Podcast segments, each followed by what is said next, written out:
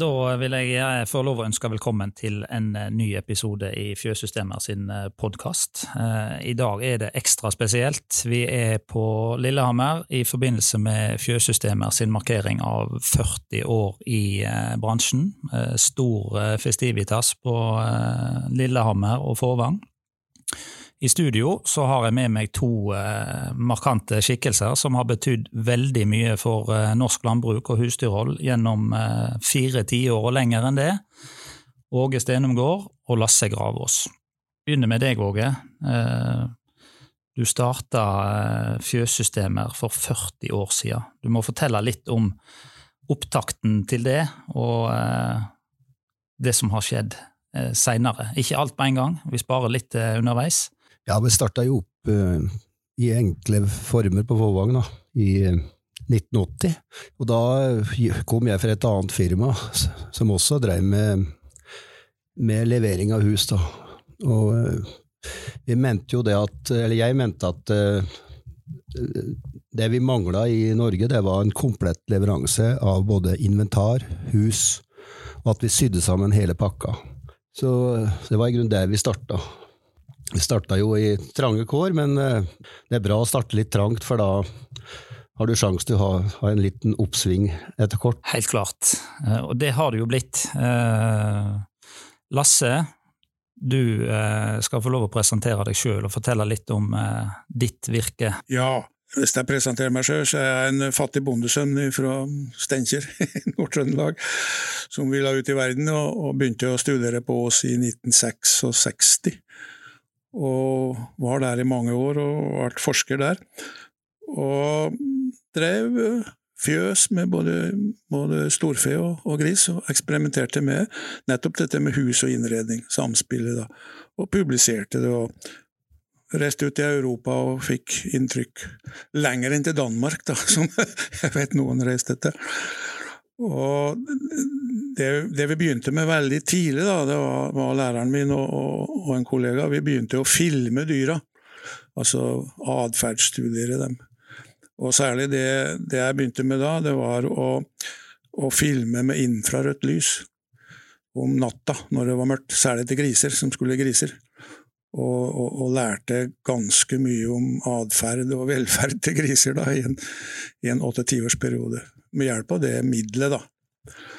Og kollegaen min, eh, han Knut Erik Gjestang, han, han, han, drev et nordisk prosjekt hvor vi, hvor vi også da filma og studerte kyr på bås som reiste og la seg og sånn, og, og skjønte hva deres plassbehov var.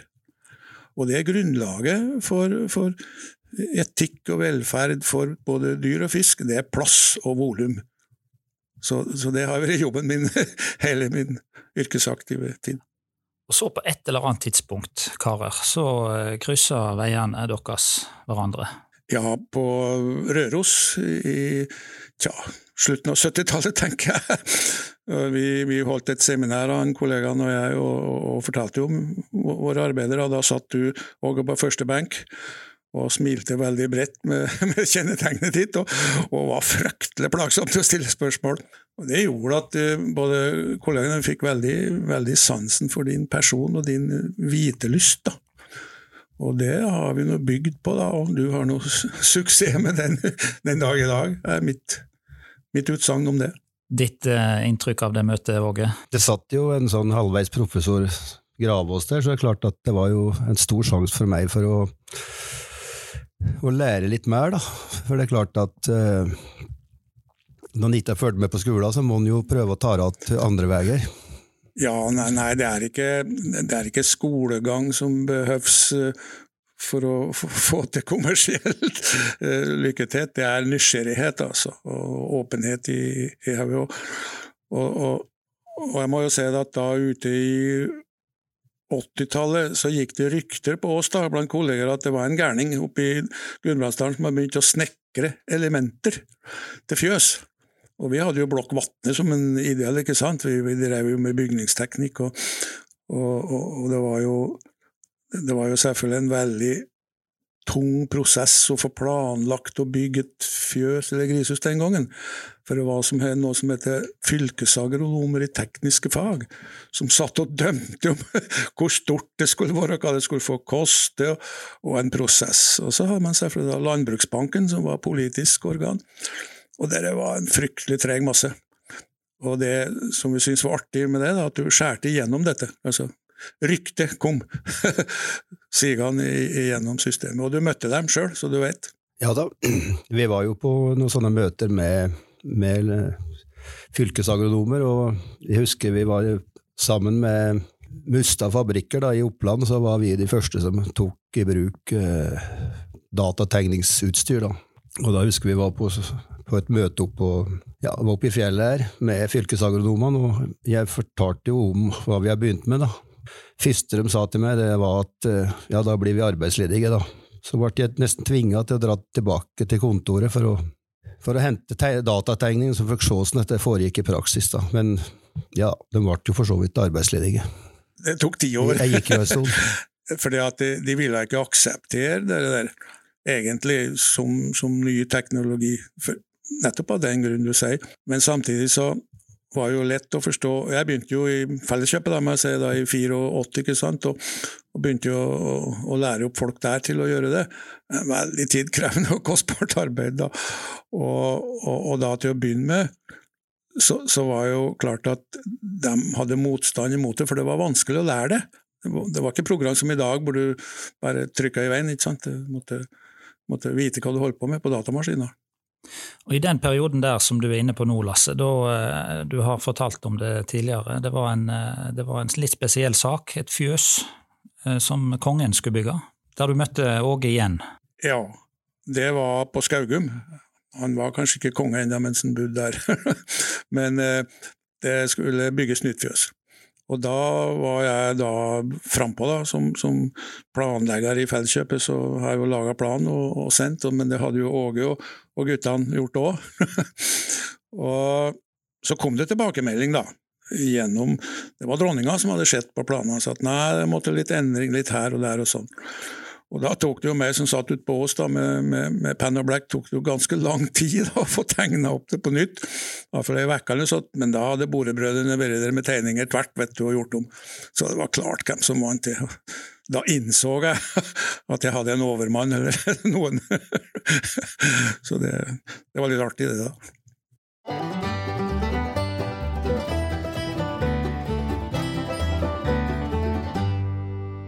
Og så eh, har du, eh, Lasse, hvis vi fortsetter litt med, med, ditt virke. Du har jo vært eh, du er professor og har vært foreleser både på Ås og i Steinkjer. Jeg har sjøl hatt gleden av å ha deg som foreleser, og inspirert til, til at jeg er kommet der jeg er i dag. Du må fortelle litt om den tida i Steinkjer, for det var jo en litt spesiell utdannelse som vi kunne ta. Ja, jeg havna jo der, for det var jo, det var jo politisk eh, hestehandel rundt omkring i fylkene. De offentlige skulle Ja, det var arbeidsledighet for ungdom. Det var altså å iverksette tiltak, og det var videreutdanning. Og akkurat på Steinkjer så, så, kom det i bruk til at de hadde makeskifte med militærleiren. Og da eiendommene til Høgskolen i Nord-Trøndelag ble det hetende etter hvert. da. Og da var jo noen som visste at jeg var fra Steinkjer, da, og kom på besøk. Så jeg ble jo, ble jo plukka opp, da. For, for å, der. Og da var jeg liksom Da jeg vært ti år i Felleskjøp, så jeg var ferdig. ja. Sånn at eh, det passa bra, og jeg har hele slekta der. og Min mor var gammel og, og skrøpelig, så jeg fikk eh, fine år med henne der. Og da ofra jeg noe meg for neste generasjon, da, og det var veldig utfordrende, for jeg kunne stokke korta på nytt altså, og legge opp kabalen. Det var en stor utfordring. Mm. Og ikke minst interesserte ungdommer som, som, hadde peiling på litt praksis. Og. For Grunnen til at jeg vil at du forteller litt om det, er jo òg at eh, mange av de eh, folka i fjøssystemer, fagfolka i fjøssystemer, de har jo sin bakgrunn fra HINT, og har hatt eh, Lasse som foreleser. Du kan si litt om det fokuset en har hatt på fag i fjøssystemer? Ja, jeg har trodd på det var at uh, vi må ha folk som har faglige kvalifikasjoner. Og eh, det er veldig forskjell å selge en traktor kontra en, et komplett fjøs, og være med på den utviklingen. Kanskje ikke minst at du har ungdom som er med å inspirere i firmaet, slik at vi får en framdrift. Og det har vi vært veldig heldige med, at vi har fått, fått med oss de beste folka. som jeg, jeg, tror det er de beste folka. Du sitter jo her sjøl, du vet jo at det er du. Takk, takk for det. Takk for det. Og så har vi eh, eh, Jeg husker i hvert fall spesielt én eh, episode der det var før jeg ble kjent med Åge. Dette òg var i Steinkjer på slutten av 90-tallet. Da hadde du, Lasse, invitert klassen med på et, en kveld bort på hotellet, og da skulle vi snakke om melkeroboter. Det kom et firma og skulle snakke om melkerobot. Og på den tida der så var vel melkerobot nesten som en månelanding. Du må si litt om det, Lasse, med utvikling av teknologi. Hvis vi begynner med, med melkeproduksjon, da? Jeg har selvfølgelig interessert meg mye for melkeproduksjon, for jeg har vokst opp på en melkeproduksjonsgård. Og, og, jeg begynte veldig tidlig å følge med av en kollega da, nede i Nederland, hva som skjedde der. Og vi ble kjent med en professor Rossing der, som eh, starta hele prosessen. Først så fant han opp eh, identifikasjon, altså de brikkene du har hengt rundt halsen. Det var en gruppe studenter, og han laga det. Og noen år etterpå, ja, åtte-ti år, så hadde de dette på plass, og så hadde de forings, kraftfòrstasjoner. Litt annerledes enn dem som er i dag, men det var nå det i prinsippet. Løsdrift. Og de gjorde det at, at de satte på en melkemaskin på den kraftfòrstasjonen. Og så satt det studenter, da. Han hadde en en titall studenter. De gikk kontinuerlig skift og satte på maskiner når det kom ei ku inn der og ville ha kraftfôr. Og så la de det, satt og tasta det inn på datamaskinen og, og, og lastet inn. Og til slutt så lærte de seg hvor mye melk hver ku produserte per tidsenhet. Og da melka de ikke før de hadde fem liter i, i juret. Og da, eh, senere, så ble det, to år senere, så ble dette publisert i, på et seminar. Jeg var der. Kurvene viser det at det hele perioden ble produsert eh, opp mot 15% mer melk. Da hadde de fri tilgang både på grovfôr og, justert kraftfôr, med den melkinga, med, med å tømme juret når det var fem liter i det. Og det skapa jo furore i fagmiljøet, det var jo ingen som hadde skjønt dette. Og, og, og særlig, særlig, et firma som er stort i vårt naboland i dag. De var på det seminaret, og fikk panikk, altså. Og da var det en forskningsstasjon, Silso i, England, som ble nedlagt av myndighetene. Da kjøpte de opp hele det forskningsprosjektet der. Og der har du da den robotarma til vår blå venn i, i øst, ikke sant. Den ble oppfunnet av Rossing og de folka nede i Nederland, og, og utvikla i England. Kjøpt for penger. Og så er jo det fantastiske. da, så ikke tror. Det var jo seminar da annethvert år om dette vitenskapelig. Plutselig en dag så står det en rød melkerobot og melker i et fjøs, og de tar oss med ut i buss og kjører dit. Til en familie som gråter av glede, fordi at de har fått en robot som har da stått der i to år.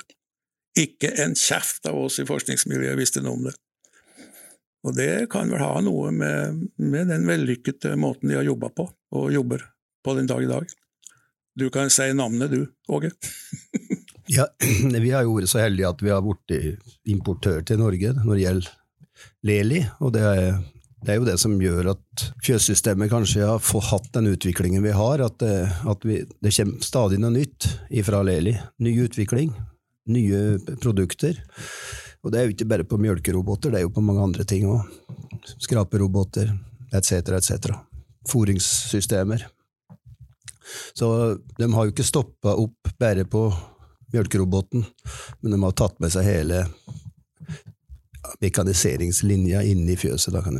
Ja, og jeg vurderer sånn at det er jo robotiseringa i seg sjøl som er nøkkelen her. Og selvfølgelig tar det arbeidskraft fra bonden, men det er ikke sikkert det gjør noe.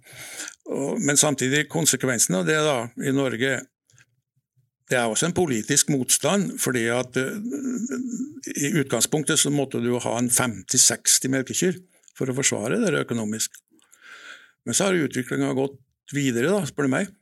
Og nå hører jeg jo og leser om fjøs ned til 25 som, som greier å ha en robot. Og, og, og, og da har det stilna, syns jeg. For det er klart at Samtidig da, som, som, som, det krevde store fjøs, så ble det snakk om felles fjøs. ikke sant? Og, og, da er jo Det går jo bare grense hvor langt du kan transportere fôr og, og møkk. ikke sant? Så, så, så, derfor så er jo en lykket utvikling at man greier å, å finansiere det ned til 25 kyr, for da kan jo spres utover hele landet. Ja, og så er vi så heldige da, at vi har uh, fått tatt inn mye brukte roboter fra utlandet inn til Norge. Shiner og Mopat, og vi er kanskje det firm som selger mest brukte roboter i hele, i hele verden nå, tror jeg. Og det er på grunn til at da kan du da tilfredsstille dem som har 20 kyr, da, til å få en litt rimeligere robot som er restaurert, og greie seg på den mengda som vi snakker om. Nei, det er jo, det er jo en lykke, lykkerus. Det bør være å, for, fordi noen sier jo det at de store fjøsa de, de skjemmer jo i terrenget, det har noe estetikk å gjøre. ikke sant? Men altså, da har du jo plutselig gått over til at du kan bygge på et eksisterende fjøs når du er i den størrelsesorden. Og da vil jeg jo skryte igjen, jeg har jo sett tegninger og følger med, at det er jo medarbeiderne dine, da, som jeg kjenner en god del av, de er flinke til å tilpasse det. altså. Det, det ser jeg jo på plantegningene. Vi har jo lært noe av det, da. Ja, det ser sånn ut.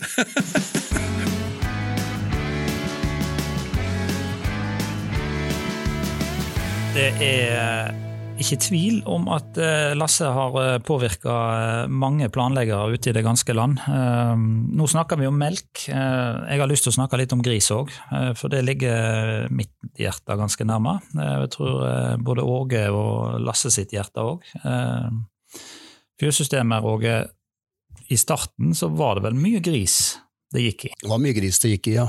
Det gikk jo mye i starten på fiksering og, og disse tinga der. Av purka, blant annet. Og, ja, og jeg tror det at i, Nå skriver vi jo 2022, eh, og mange av de som skal eh, høre på dette her, de, de eh, aner ikke hva som var på mote på 80-tallet.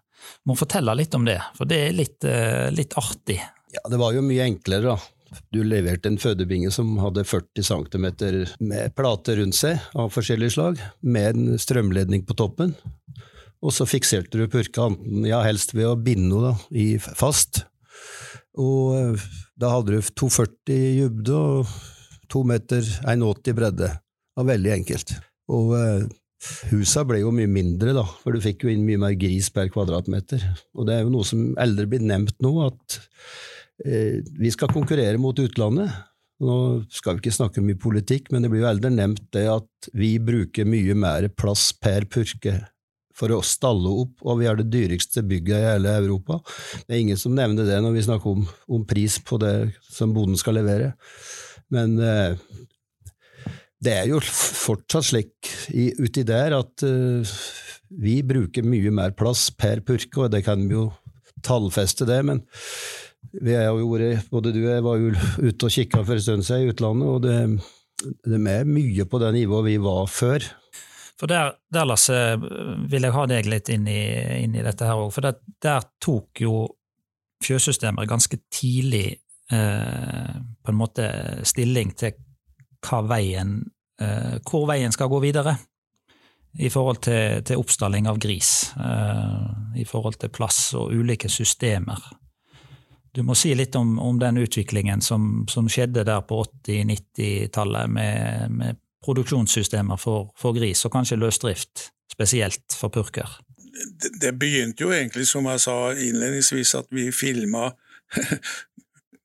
griser som griser i mørket, og visste at de, de tok vare på grisungene sine når de gikk løs. Hvis de hadde plass nok til å snu seg rundt sin egen akse, liksom, uten hinder. Og, og, det var jo landsdeler her i Norge som gikk sterkt imot det, for de var vant til å binde. De, de har en landsdel som er nært Danmark, ikke sant? Og, og, det er klart at da, da ville de binde. Så, så, jeg også som fagmann måtte føre en kamp i tidsskrift og alt for, for at det skulle bli gitt mer plass. Men det, Åge, det tror jeg de oppfatta ganske fort. sånn at de, de laga mer plass til alle dyr. Og, og, og, så kom det jo da med, med sinpurkene, ikke sant. Å slippe dem i flokk, det kunne jo være en utfordring. Fordi at de, de slåss jo hvis de ikke kjenner hverandre. Eh, og da kom dette inn som vi lærte egentlig fra Sverige. En kollega der, dette med å, å, å drive i puljer, ikke sant. Så de hadde liksom samme status hele tida, både som fødende og som, som sinnpurker. Og det har du tatt tak i, Åge, du må fortelle, du. Nei, Det kom jo lovverk som sa at purkene skulle ikke fikseres. De kunne fikseres under grising i sju jeg tror det var sju dager, som lovverket sa. Og det er klart at vi begynte jo da å følge det, de kravene som ja, staten hadde satt, da, hvor stor, store, mye plass ei purke skulle ha. Men de så jo fort det som du, sa, at hvis ikke purka fikk bedre plass enn det, så fikk du mye herligging. Og eh, det er jo noe med at purka skal kunne snu seg, og det ble fort at ja, de fleste nå bruker ikke fiksering under eh, under grising eller noen ting, så det blir faste grinder, og, og det blir mye greier i bingen da, for, for, purka å orientere seg i forhold til å ligge i griser. Men dette var en utfordring da, for da hadde vi Før så kunne vi gå til utlandet og, og kopiere og herje på, eh, på inventar og kjøpe og ferdig, men når dette kom, så måtte vi rett og slett greie å konstruere nye ting sjøl. Det var ganske mye arbeid. Men, eh, ja, men da måtte du ligge på da, og på den tida der, da samarbeider du mye med en som dessverre ikke er blant oss lenger, Ivar Ånekre. En uh, stor uh, mann på gris i, uh, i Norge. og det var jo da en fikk satt dette med produksjonssystemene altså i system. Lasse nevnte dette med puljedrift. Du må fortelle litt om Du har en liten historie om, om akkurat det der. Ja, vi var jo på Hamar og skulle lære om puljedrift. Det var jo alle, alle firmaene som dreiv med dette i Norge. Og eh, vi hadde en som het Ove Olsson der, som, som, var flink på akkurat dette her, da. Kanskje den beste fra Sverige. Og eh, på kvelden da så måtte jeg bare gå bort til ham og si at de ikke skjønte bæret av dette her. Og eh, det tror jeg ikke de andre gjorde, det, men de satt og nikka, og dette skjønte de. Men jeg tror ikke de skjønte det. Og da tok vi en søndag med en Ivar Ånekro hjemme hos meg, og hadde med meg en som var flink på data. Og eh, da var Ivar protesterte mange ganger, men eh, han som var med, han sa nei, kom igjen, jeg, hvis, hvis, du greier å regne ut på papir, så skal vi få dette inn i maskina. Og på den søndagen så utvikla vi et system som var helt suverent. Da kan jeg jo si det at jeg snakka med en Lasse på, på Landbrukshøgskolen, og de ønska å kjøpe det programmet til oss. Men vi, vi gjorde ikke det. De fikk ikke kjøpt det. Nei, og bra var det, for jeg, da måtte jeg lære meg det. og jeg hadde med meg til Steinkjer, og du husker sikkert det, at dere sleit med å, å, å tolke grafiske framstilling av puljedrift. Mm, Vet ikke om du husker det fra studietida? Det var en eh, prøvelse, det. Ja, det kunne være det, for mange. det var jo veldig stor sjanse for å gjøre feil når du drev og planlegte i dette her med forskjellige ukeshold videre. Du kunne jo lett få ei pulje for lite. Og det var i forhold til å være sikker på at du gjorde riktig planlegging, så var det veldig viktig riktig verktøy for oss og alle selgerne, at de bare kunne plugge inn antall fødebinger, f.eks., så fikk du da ut et tall på hva slags puljedrift du skulle ha, ukeshold. Ja, Problemet var jo hvis at du fikk pulje for mye. Hva skal du gjøre med de? Så, så det å trykke på knappen for en selger som har det travelt og lever på provisjon, det er uten tvil smart, da, kommersielt. Og dette med, med, Vi må holde oss litt på dette grisesporet, for der er det jo eh, sånn i, eh, i eh, den tida vi lever, så er det jo mer og mer uh, innspill fra forbrukerne, Lasse, på hvordan en gris skal ha det du har helt sikkert noen tanker om det, og nå har vi jo snakket mye om, om fortida her, men vi må jo se litt framover òg. Det er jo det som er det kjekkeste òg. Ja, det er jo litt problem å sitte og se bakover. Det, det tar litt tid, det. For å nøste opp i det. er mye artigere å se framover, ja. Men det er klart at uh, dette med forbrukerne, det, det, har vært slik i mange år nå. Altså Forbrukerne har stor makt. Og uh, det med dyrevelferd, det, det, det må, kan vi i hvert fall ikke se bort fra. Og det, det kan sikkert Lasse si mer om, som har jobba mer på forskningssida, men ja. ja, dyrevelferd det er jo det er jo litt moderne sett i, i, i mitt perspektiv, for at det, vi kalte det med atferd, hvordan oppfører dyra seg. Og, og, gjennom å studere det, så har vi jo systematisert det og lært det. Og vi kan si at eh, til slutt da, så heter det den serien i Norge heter Etikk i fjøset. Altså hva er da etikk? Jo, det, er menneskets eh, evne til å forstå moralen, altså å tolke den. Sånn at eh, for å ha etikk så må du ha en moral. Og da er spørsmålet hva skaper den moralen som gir følelser for dyr og deres velferd og, og sånn, da? Jo, det er jo kunnskap. Og jeg må jo si da at jeg er jo forskrekka når jeg ser eh, siste års oppslag om innbrudd i både mink og gris og alt, og, og, tar bilder og sendes på NRK i beste spilletid, så er det mangel på kunnskap. Jeg sier ikke mer. Kloke ord. Um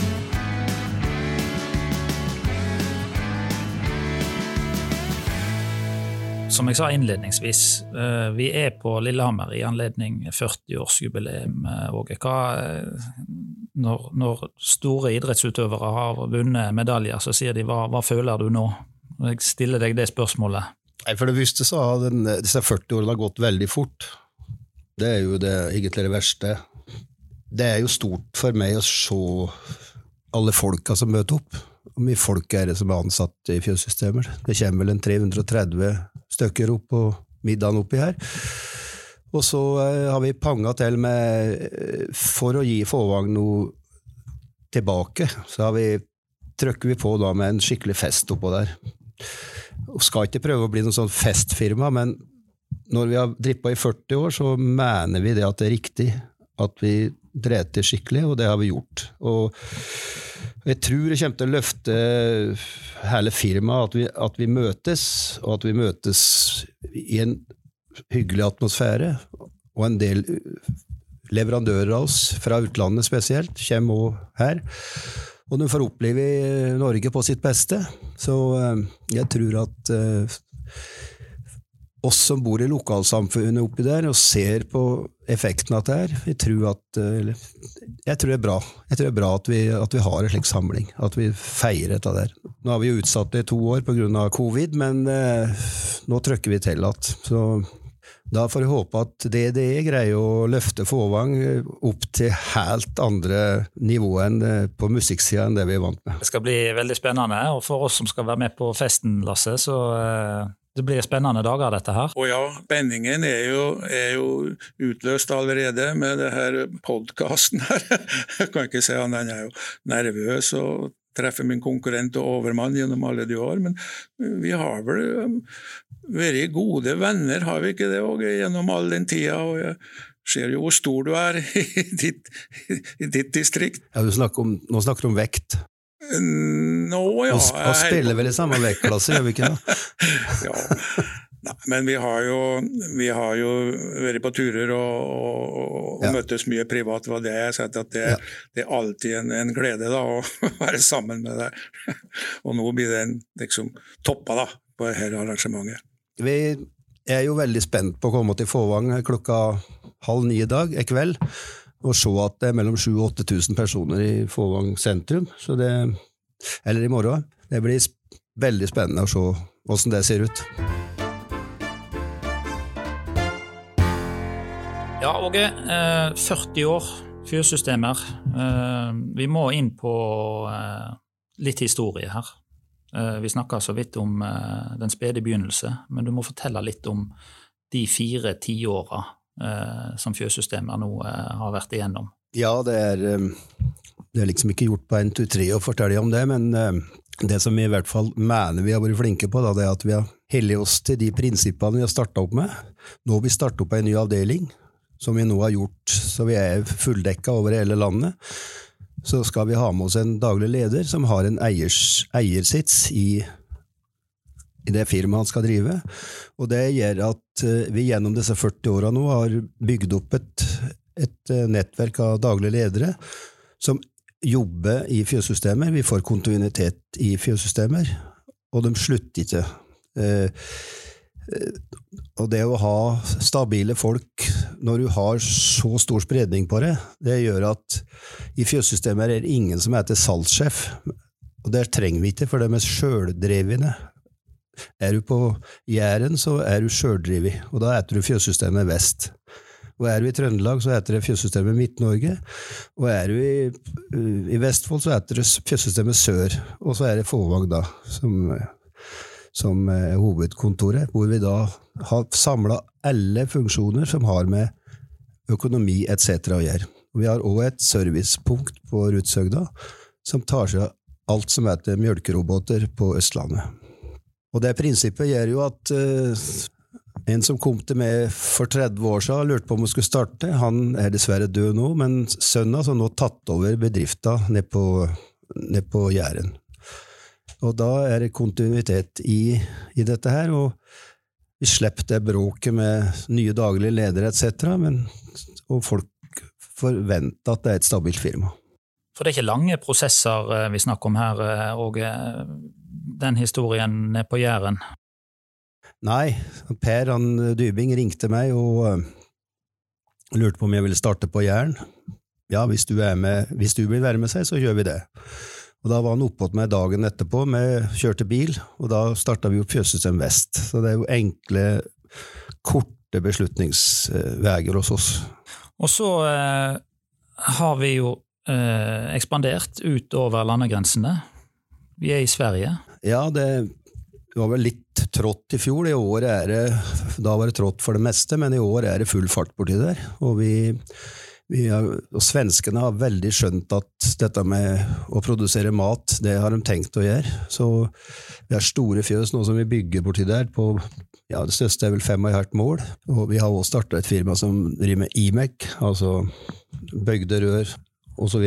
Fra ja, spesielt Frankrike osv. Og, og samme, samme forretningsprinsipp i Sverige som i Norge? Kjøre samme prinsippet der òg, med at de daglige lederne og dem som er med og drifter det, har en eiersits i det firmaet. Og så er vi inne på dette med, med, med litt prinsipper i, i fjøssystemer. Eh, du må fortelle litt om, eh, om eh, hovedtanken og hovedideen eh, gjennom disse 40 åra? Vi holder oss til IMEC, for jeg har aldri hatt tro på at uh, om du er en maskinselger, så skal vi kunne også selge Imec, og i hvert fall ikke nå, når vi har fått så mye automatisering i, i landbruket. Så tror jeg ikke det er noe spesielt på det. det og det viser seg vel at uh, før så kunne jo en selger på, på traktorer kunne også drive og tusle og selge litt uh, kuinnredning osv., men jeg tror ikke noe på det lenger. Du Lasse hadde en fin, en fin historie der med, med traktorselgeren som fikk nyss i at bonden planla å bygge fjøs? Ja, det ble jo en kjepphest hos meg da, i den tida i Felleskjøpet, for der var det jo om hverandre, som en Åge sier. Og det er klart at jeg kom jo i konflikt med kolleger, ikke sant? for da måtte jo ha folk som plukka opp dem som var interessert i å, å fornye fjøsa, f.eks. For bør ikke bygge nytt, det var jo om å, å, å, og ominnrede, og, og løsdriftsspøkelset hang jo der. Og jeg pressa jo på å prøve å bevise at det var jo framtiden med løsdrift. Men så kom det da en, en, en traktorselger som snappa kontantene da, og, og, den kreditten som fantes, og så ble det lagt dødt. Og, og, og så da som, som, en samvirkebedrift så var vi jo på en måte forplikta til å serve alle. Én gårdbruker, én stemme, ikke sant. Så, så det var veldig slitsomt, ja, kan jeg godt si. Og så eh, har vi jo òg ei grein som heter laksesystemer, eh, Åge. Eh, det er jo i utgangspunktet litt langt vekk fra landbruk, men eh, kanskje egentlig ikke? Nei, prinsippet er jo mye likt, da, spesielt når vi nå er bare på landbasert. Så eh, hadde vi jo en del forespørsel på det der med å levere fôringssystemer til dette der, så det ble jo at vi tok det skrittet og, og lagde et firma som skulle spesialisere seg på fôring av, eh, av fisk. Og det er vel mye av det at det er mye likt å fòre gris. Jeg ser jo det at det er en del, del ting som ikke er helt likt, annet på styringssystemer av fòringa. Og ja, det er masse lekk detaljer der. Men vi er godt i gang på å få det til. Og den erfaringen som, eh, som fjøssystemer har fra landbruk og husdyr, kan en jo dra med seg over på, på laks.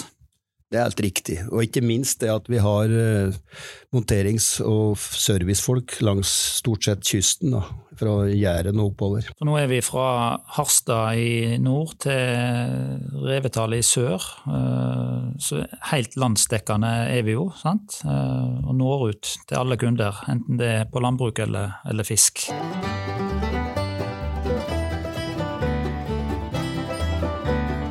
Ja, og nå har vi prata mye om eh, fortida og sett bakover. Eh, det er på tide vi eh, snakker litt om eh, framtida. Hva ser du i glasskula for fjøssystemer? Jeg ser store muligheter for fjøssystemet framover. Vi er godt rigga for å være med og legge til rette for at folk skal produsere mat. Vi er klare på alt som er med altså automatikk og robotisering. Og det kommer det enda mer til, det er jeg helt sikker på. Men uh, dette med energi er vi så vidt inne på nå, i forhold til fyring, i forhold til å ta varmen fra sola. Den regner vi med kommer til å stå der en stund enda.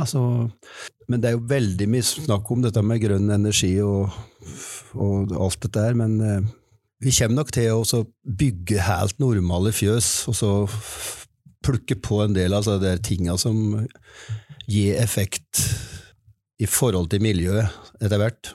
Men eh, jeg tror ikke du kan kjøre for fort heller. Og så har vi snakket litt om, eh, om eh, struktur og organisering i fjøssystemer. Og hva ser vi der framover? Skal vi fortsette i samme stil? Ja, vi driver jo og pos posisjonerer oss med, med, å bli sterkere i markedet, og det har vi jo gjort nå gjennom et, et oppkjøp av et annet firma, som vil passe veldig godt inn i det vi driver med. Så akkurat slik som vi ser det nå, så skal vi drive firmaet sånn slik som vi har gjort. Og, og bare trykke på enda hardere. Og, og, passe på at vi får tak i de beste folka. Og det har vi jo alt begynt å plukke på, på der og der. Så det, det går bra, det. Ja, Åge, 40 år. Eh, du begynner jo å bli en eh, voksen mann, må vi kunne si. Spiller du en eh, like aktiv rolle i fjøssystemer eh, i dag som, eh, som, tidligere? Nei, det gjør jeg ikke. Vi har flinke folk som driver dette videre, og sønnen min, André, han, han takler dette her veldig bra. Så jeg er jo med i styret og styreformen i de fleste selskapene, men det er jo tidsbegrensa, det. Vi snakker om en fem-seks år eh, til som eh, vi har lyst til å følge med. Og vi eh, har jo vært med å ta litt ansvar i forhold til utbygging på de forskjellige avdelingene nå. Og vi har jo bygd både i Trøndelag, Jæren og på Fåvang siste året. Så nå kjører vi siste utbygginga som vi har nå, det blir på, ut på Rudshøgda. Så jeg håper at de kan bidra med det, så han får drive med det han skal gjøre selge og være en sånn Vi kaller det, vi er blitt så jobbete nå at vi kaller det konsernsjef. og så, Det er jo det han er nå. I og med at vi har så mange firmaer, så vil han ha en over, overbygningsfunksjon på de firmaene. Så han er mye mer i kontakt med folk, eller med de daglige lederne og selgere, enn de har overhodet muligheter til å være med på. Så dette her går sin vante gang, det. Jeg har jo ofte sagt at du er fryktelig uheldig som er nødt til å jobbe opp med far din. Det har jeg hørt deg si. Eh, nå er ikke André her til å kommentere dette her, det kan vi kanskje få anledning til i løpet av helga, å få stadfesta, eller avkrefta. I alle fall, eh, det kan jo være rom for eh, det framover nå, at du kanskje skal følge fjøssystemet sitt eget valgspråk. At du skal få frigjort litt tid Eh, når alt er i orden i fjøssystemer. Det kan bli bra. Ja, det blir veldig bra.